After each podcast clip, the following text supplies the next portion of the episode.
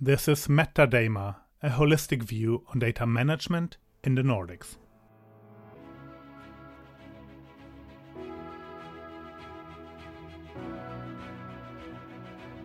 Welcome.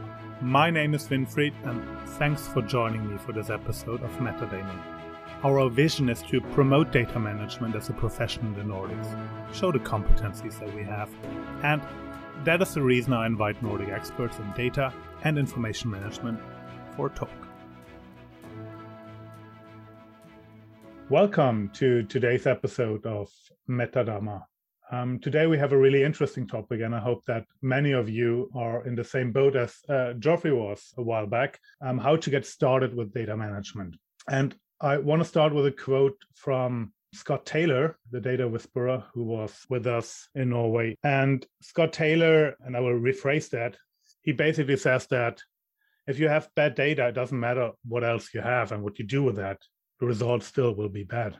So if you have bad data and good analytics, you're still going to get bad insights. But at the same time, there's no one solution that fits all. And that's why I wanted to have that talk with uh, Geoffrey today.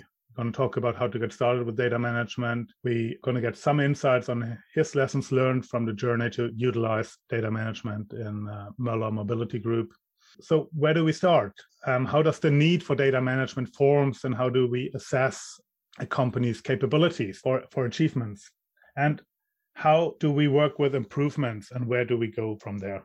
So, welcome, Geoffrey. Good to be here. Thank you for inviting me, Winfried. Would you like to introduce yourself? Yeah, sure. So my name is Geoffrey van IJzendoorn Joshi, and I am head of data management at Möller, which is the Nordics' largest uh, car importer, retailer, financing company. Uh, I'm actually originally from the Netherlands and uh, moved to Norway uh, back in uh, 2016. Um, and uh, I have a history with consulting, data management consulting in particular, a little bit of a history as an architect.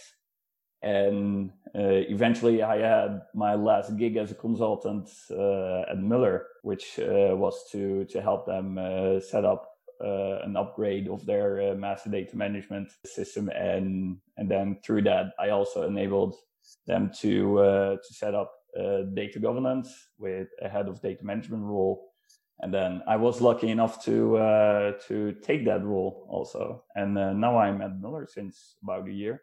Actually, it's, it's a lot more now. It's one and a half years right now. But in addition, you are also uh, founding men- member of uh, Dama Norway. Yeah, I'm. Um, yeah, I also uh, helped set up Dama Norway. So uh, what that means is, of course, uh, in in the Netherlands, I was already a data management consultant. I got in touch with uh, Dama back then through through some some of my gurus over there. And then when I moved to Norway, I noticed this community didn't exist or it wasn't wasn't uh, active or it was uh, not an active community here in uh, in Norway.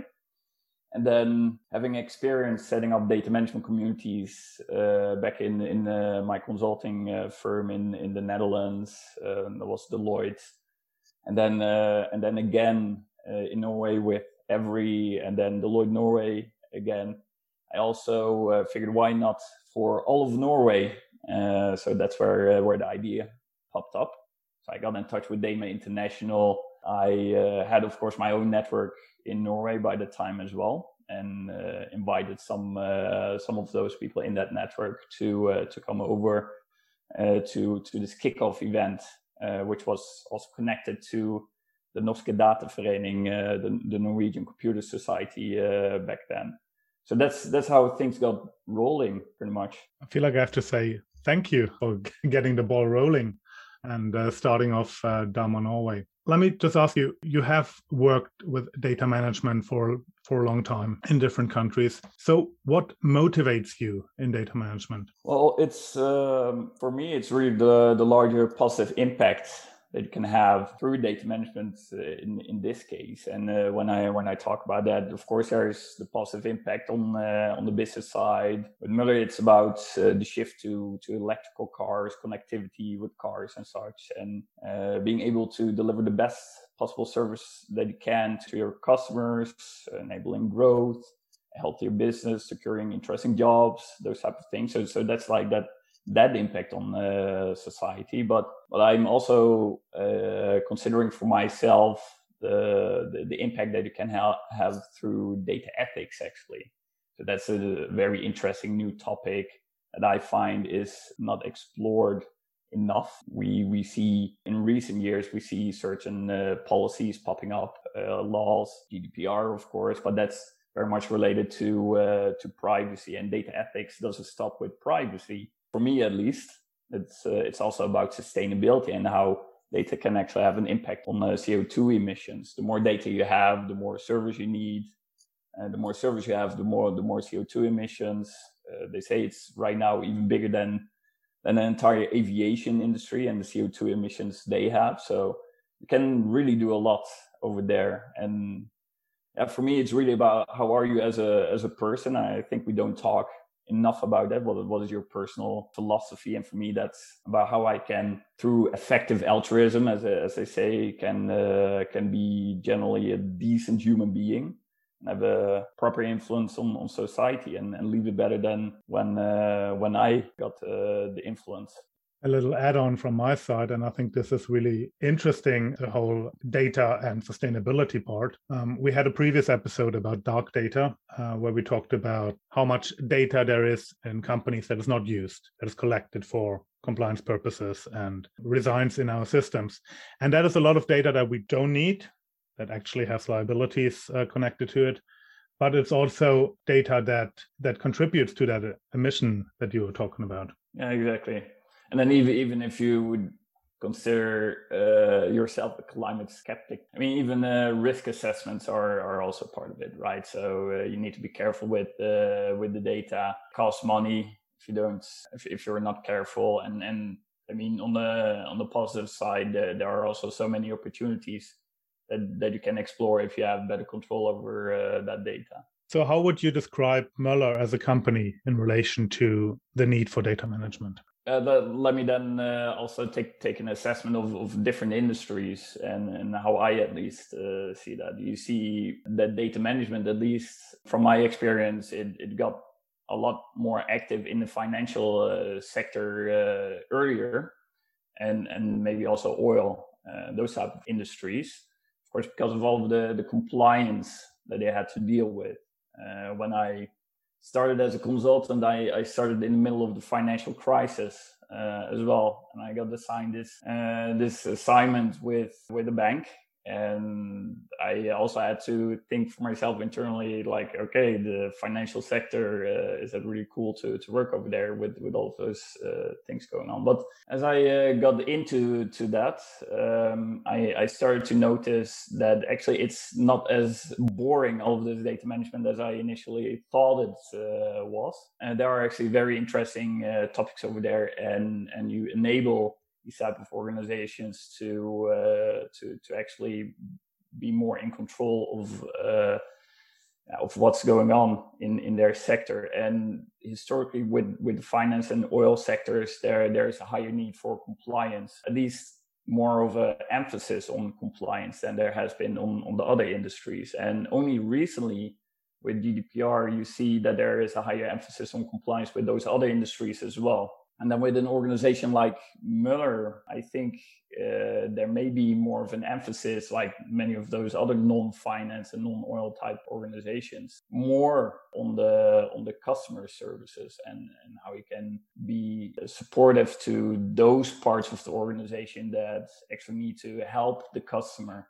So it's it's more about ensuring that those parts on the decentral level more self-sustainable and that it can do their thing. So it's more of an emphasis of things. So all of those different organizations, they they are in essence dealing with the same situations and the same same issues. It was really about where lies the emphasis even more than with other organizations. And with compliance is more central, and with companies like Möller, it's it's maybe more on the decentral business relevance side, in my opinion, and, and from my experience with those different industries. So, if we try to define a need, classic business analysis definition, then it's an opportunity or a problem to be addressed. And this is exactly what uh, what you were stating here. So, you either have the compliance need, which is a problem that you're addressing, or you have the opportunity for the business that you can address. Yeah, pretty much. And uh, I'd like to uh, do a throwback to to how you open up with uh, Scott Taylor,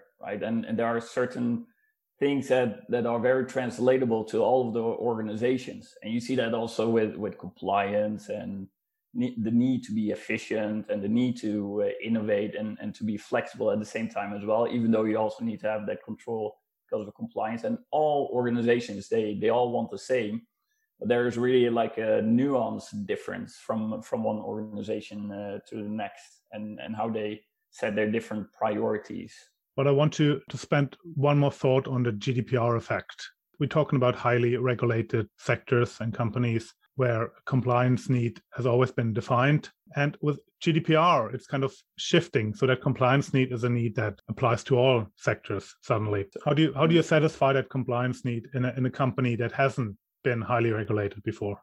Yeah, it's it's pretty much uh, the the same story actually. It's I mean there there there are legal requirements here that we're talking about. So you have to uh, you have to put certain things in place.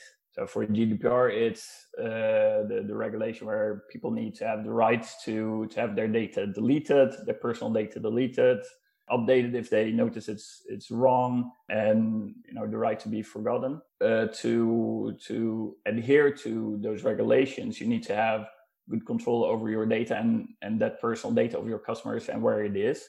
So you need to uh, be able to identify that person into your systems as well and all over the place all over the different uh, systems and, and in the different processes and it's incredibly complex so once people start to understand the complexity behind this then they also and they start to notice well we've already experienced similar types of situations in uh, other organizations uh, thinking about compliance and such. Well we we can reuse all of this.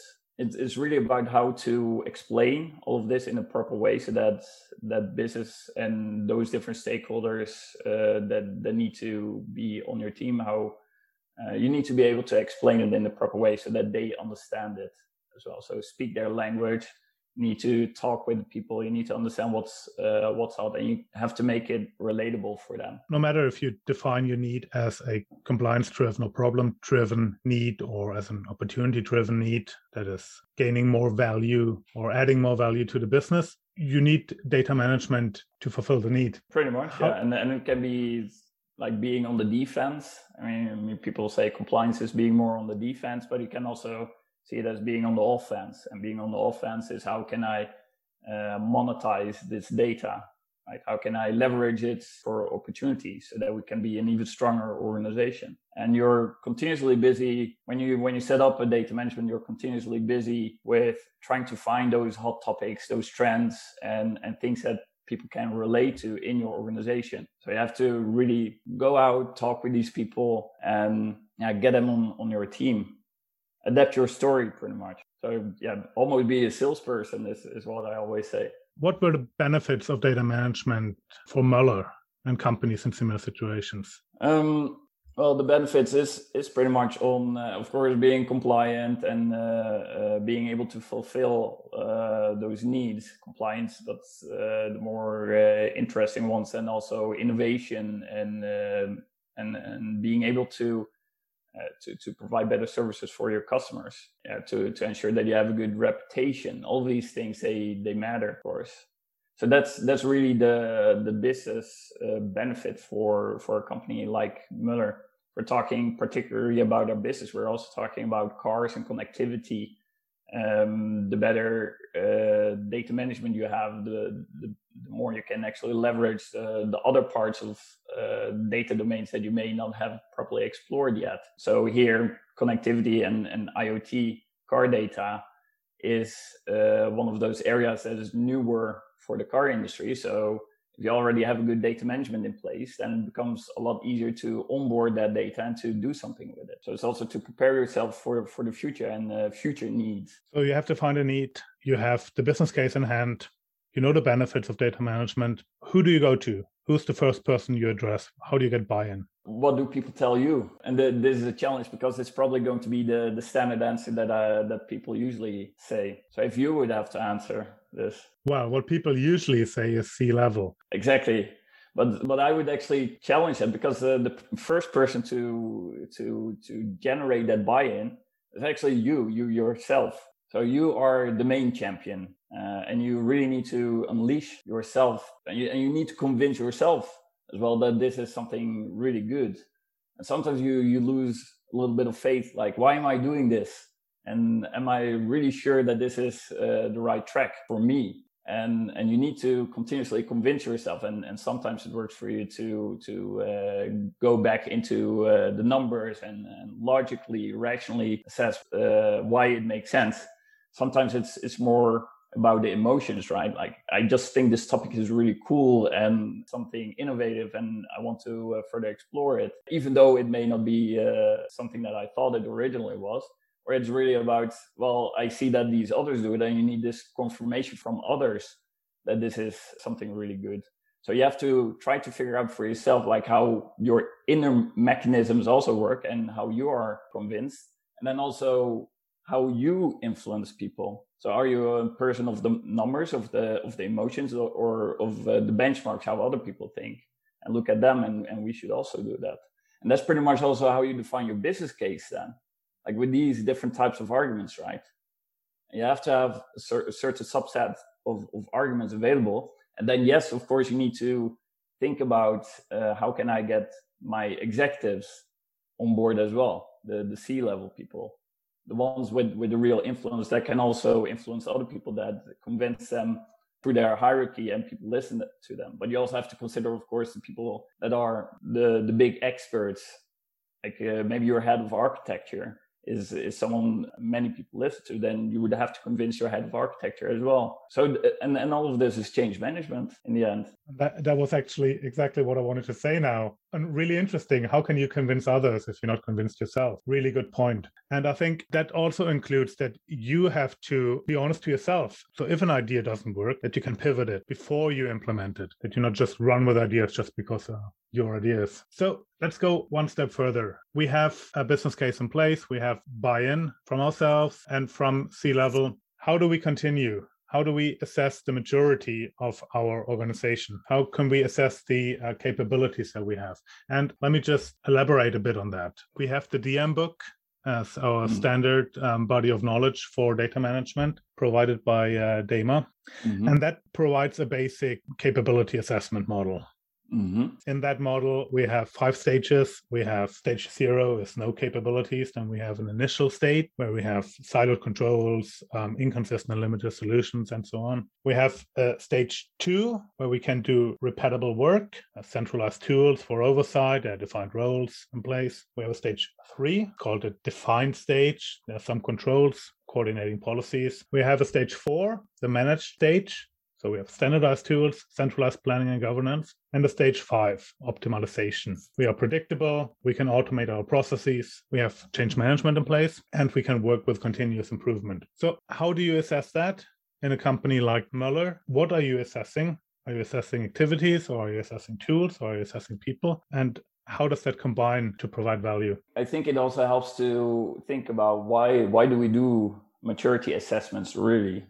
And then data management maturity assessments is, is one of those. It's it's really to to understand where we want to be right? So what, what is our vision? What is our data strategy? Uh, and what are the gaps connected to those uh, strategy where we want to be? So where are we not mature enough? Uh, how can we close those gaps?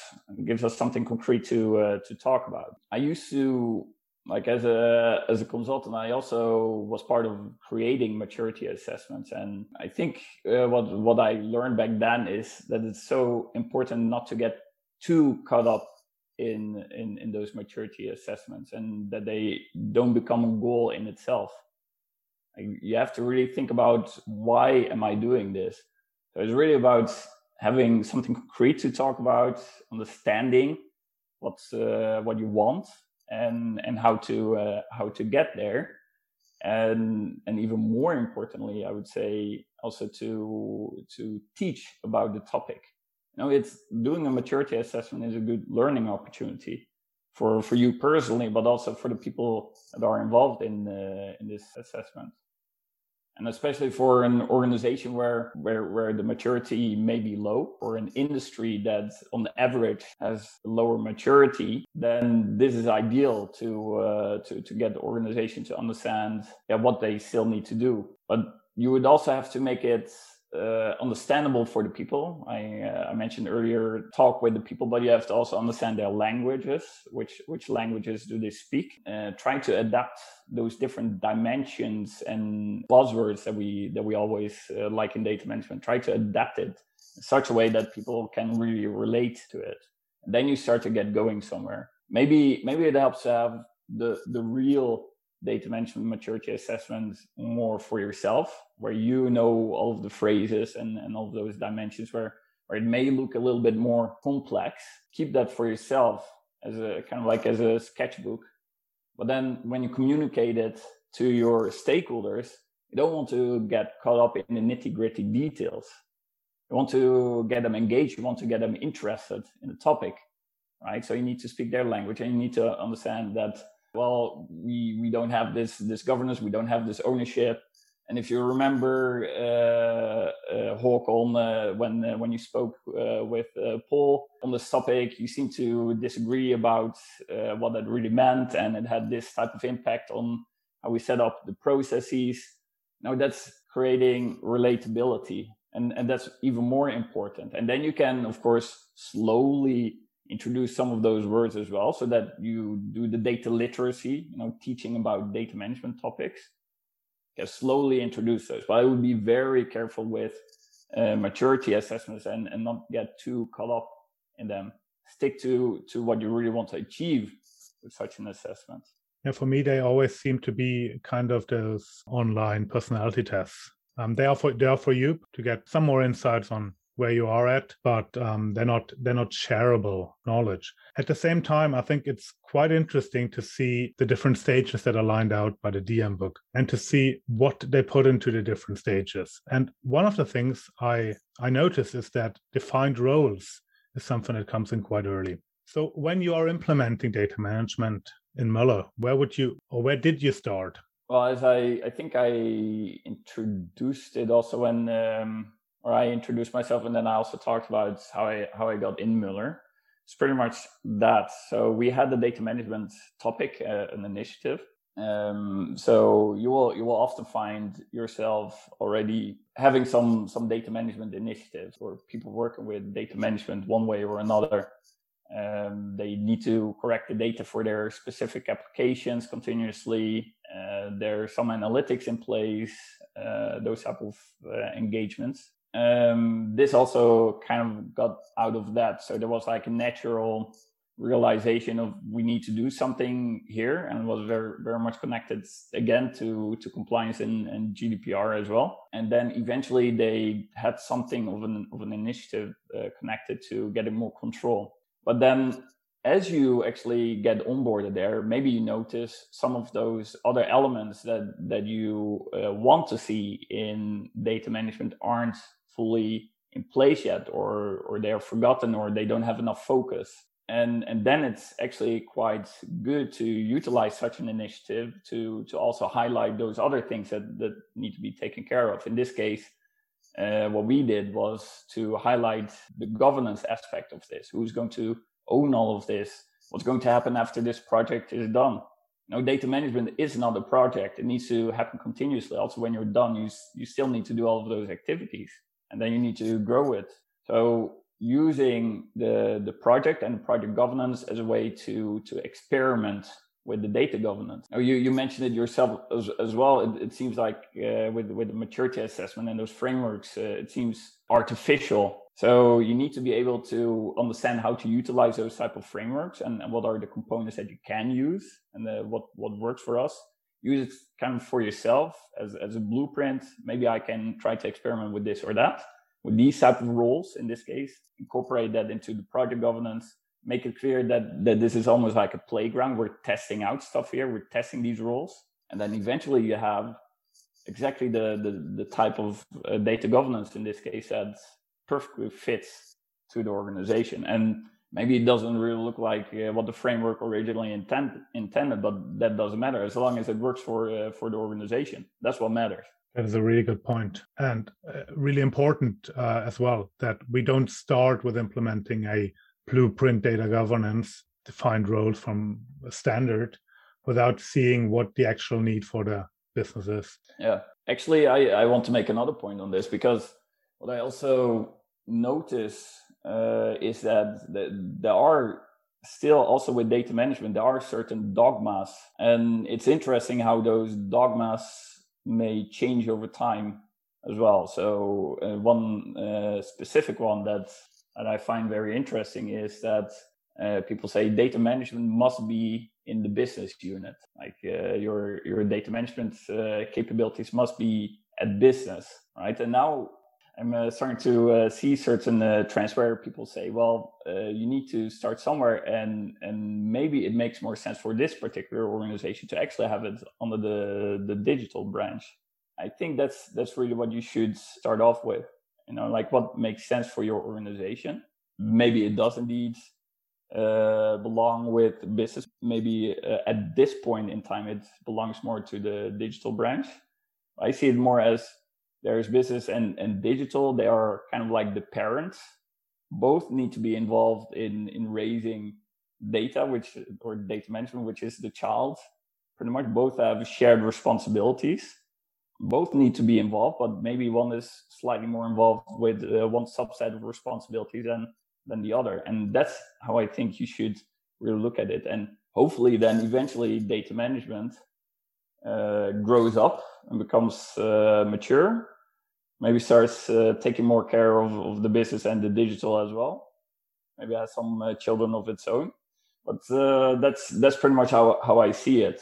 You you shouldn't see it as either or. It belongs more to this always, or it belongs more to that always. You have to make it fit to uh, to your particular case, and then not get caught up in this is where it belongs forever need to be adaptable. Uh, your organization will change, trends will change, uh, technologies change, and and uh, they require for you to also change your data management continuously. There we are in a, in a really interesting topic. So first of all, you need to grow your data management once you have implemented it, but also you need to be agile and be able to to adopt to changes. How do you think you can do that? Well, first of all, you like like I said, it's not a project, right? You need to continue with what you already have. So if you want to grow, you also need to put everything in place to uh, to continue with what you already set up. You cannot neglect that and say like, okay, now I'm done with with this data domain. Let's now put all of our resources on this new data domain, and probably everything will be okay with with that old data domain.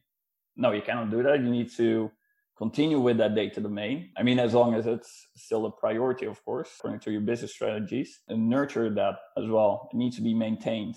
And then you should also at the same time be able to, to explore your portfolio, your data portfolio, diversify. Of course, on, on those areas that really matter most. And, and then what matters most is, of course, uh, everything related to those different needs that we talked about earlier, the, the hot topics like is compliance, is it innovation? Is it being uh, able to to serve your, your your customers better?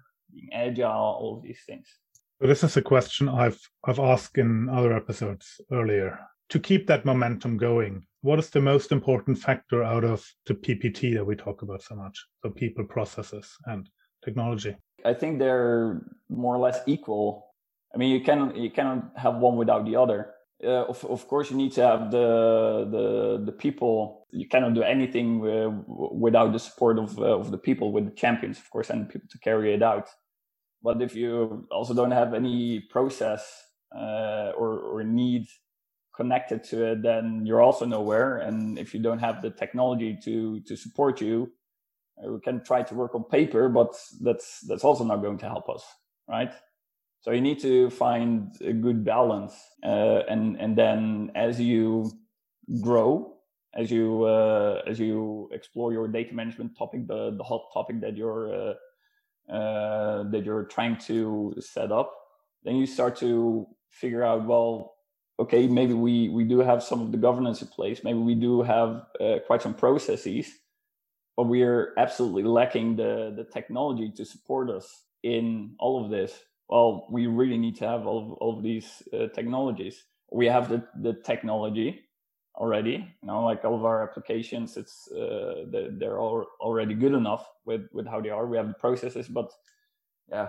we, we cannot make it work without the people. So from the different initiatives that I've experienced, data management initiatives, I, I would actually say that that all of these different uh, dimensions they they are all important and none of them can really be neglected. But just like it is with uh, the the nuance and the emphasis on on either compliance or innovation and agility, the same applies to this. So there will probably be a nuance where one is at this stage more important uh, than the other. So I, I, can already hear people thinking, listening to this. Well, my experience right now is that uh, this is more important. So what what is he talking about? Well, try to go through many of those different uh, projects in in many different contexts, and and then your opinion may be different uh, at the later stage. So at Möller, you introduced a new term, which is called a data dugnad. Would you like to explain what a data dugnad is? And maybe we should uh, also explain what a dugnad is. Yeah, for the international listeners. Exactly. Well, dugnad. When when I moved to uh, to Norway, it became my favorite word. I thought this is this is amazing that I have this uh, concept of the the dugnad, which is that uh, you have your your block uh, or like where where you live, and there are certain uh, common places that you have like a playground or uh, or plants nearby small little park or something like that and everybody has a responsibility to keep everything tidy and once a year or maybe several times a year people assemble probably in the spring and start fixing things. That's an amazing concept. It's a community responsibility. So when we talk about data dugnads we are really talking about that the joint responsibility as well. But when it comes to data so we need to ensure that everything is tidy that everything is uh, put in place appropriately. I i started this conversation with with that i very much care about the societal impact when i work with data and that uh, that is also what what i mean when i talk about data dugnad so that's the, the ethics around it. You can clean up the data so that we have uh, less or a CO2 emission. So uh, a better impact on, on the climate. That's pretty much what data dugnad is.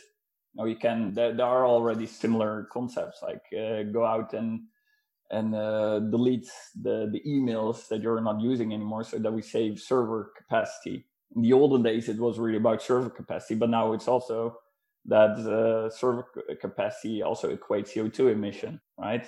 And besides emails, it's also about other types of data that, that you may have structured, unstructured, and so forth. So that's really what it is. And, and also that is again related to figuring out uh, what the hot topics are in your organization. So this is also now a hot topic in Möller, sustainability. It's one of our uh, key pillars in, in our uh, strategy. Yeah, so I found those champions, those people connected uh, to that and, and talked about, well, for sustainability, there is this concept called data ethics and, and data dugnad, and we can really make an impact here. And we really started to think uh, when, when I started to talk with the head of sustainability, there there's something going on here, and, and we really can uh, make a change happen here. And maybe we can make it bigger. Maybe we can do it uh, as a co- campaign in all of Norway. And and maybe if uh, if it works in Norway, maybe we can utilize our data management network of, of DAMA, uh, which is an international network, and have an even bigger campaign all over the globe. Just just imagine the, the impact that you can have by simply telling what's what's up and, and what matters here. And it's very inspirational. And these are also the things that you know, like uh, when when I started up DAMA Norway, and uh, when I tried to set it up, these were the things that that really inspired people, where people thought, "Wow, we can do this. We can have this impact." And that's that's I think what resonated with the people. That is a, a really great thought, and I would I would love to continue on that and uh, and see how we can how we can make the change happen with the capacity that we have in DAMA. To sum up the conversation we had today, what is your personal key key takeaway from that? I think it's it's really to actually to to start with yourself. A better world starts with yourself, right?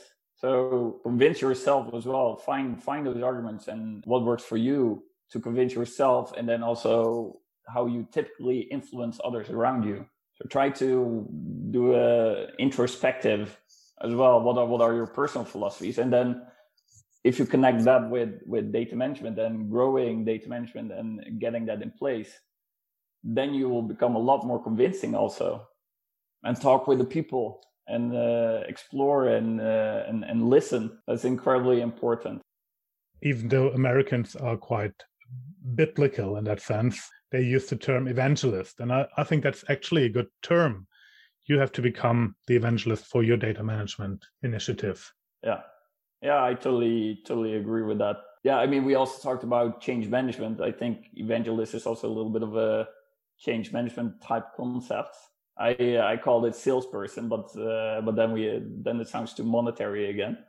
Maybe maybe evangelist is actually a cooler way of uh, talking about it. I would agree. Thank you so much for the talk. Thank you, Winfried.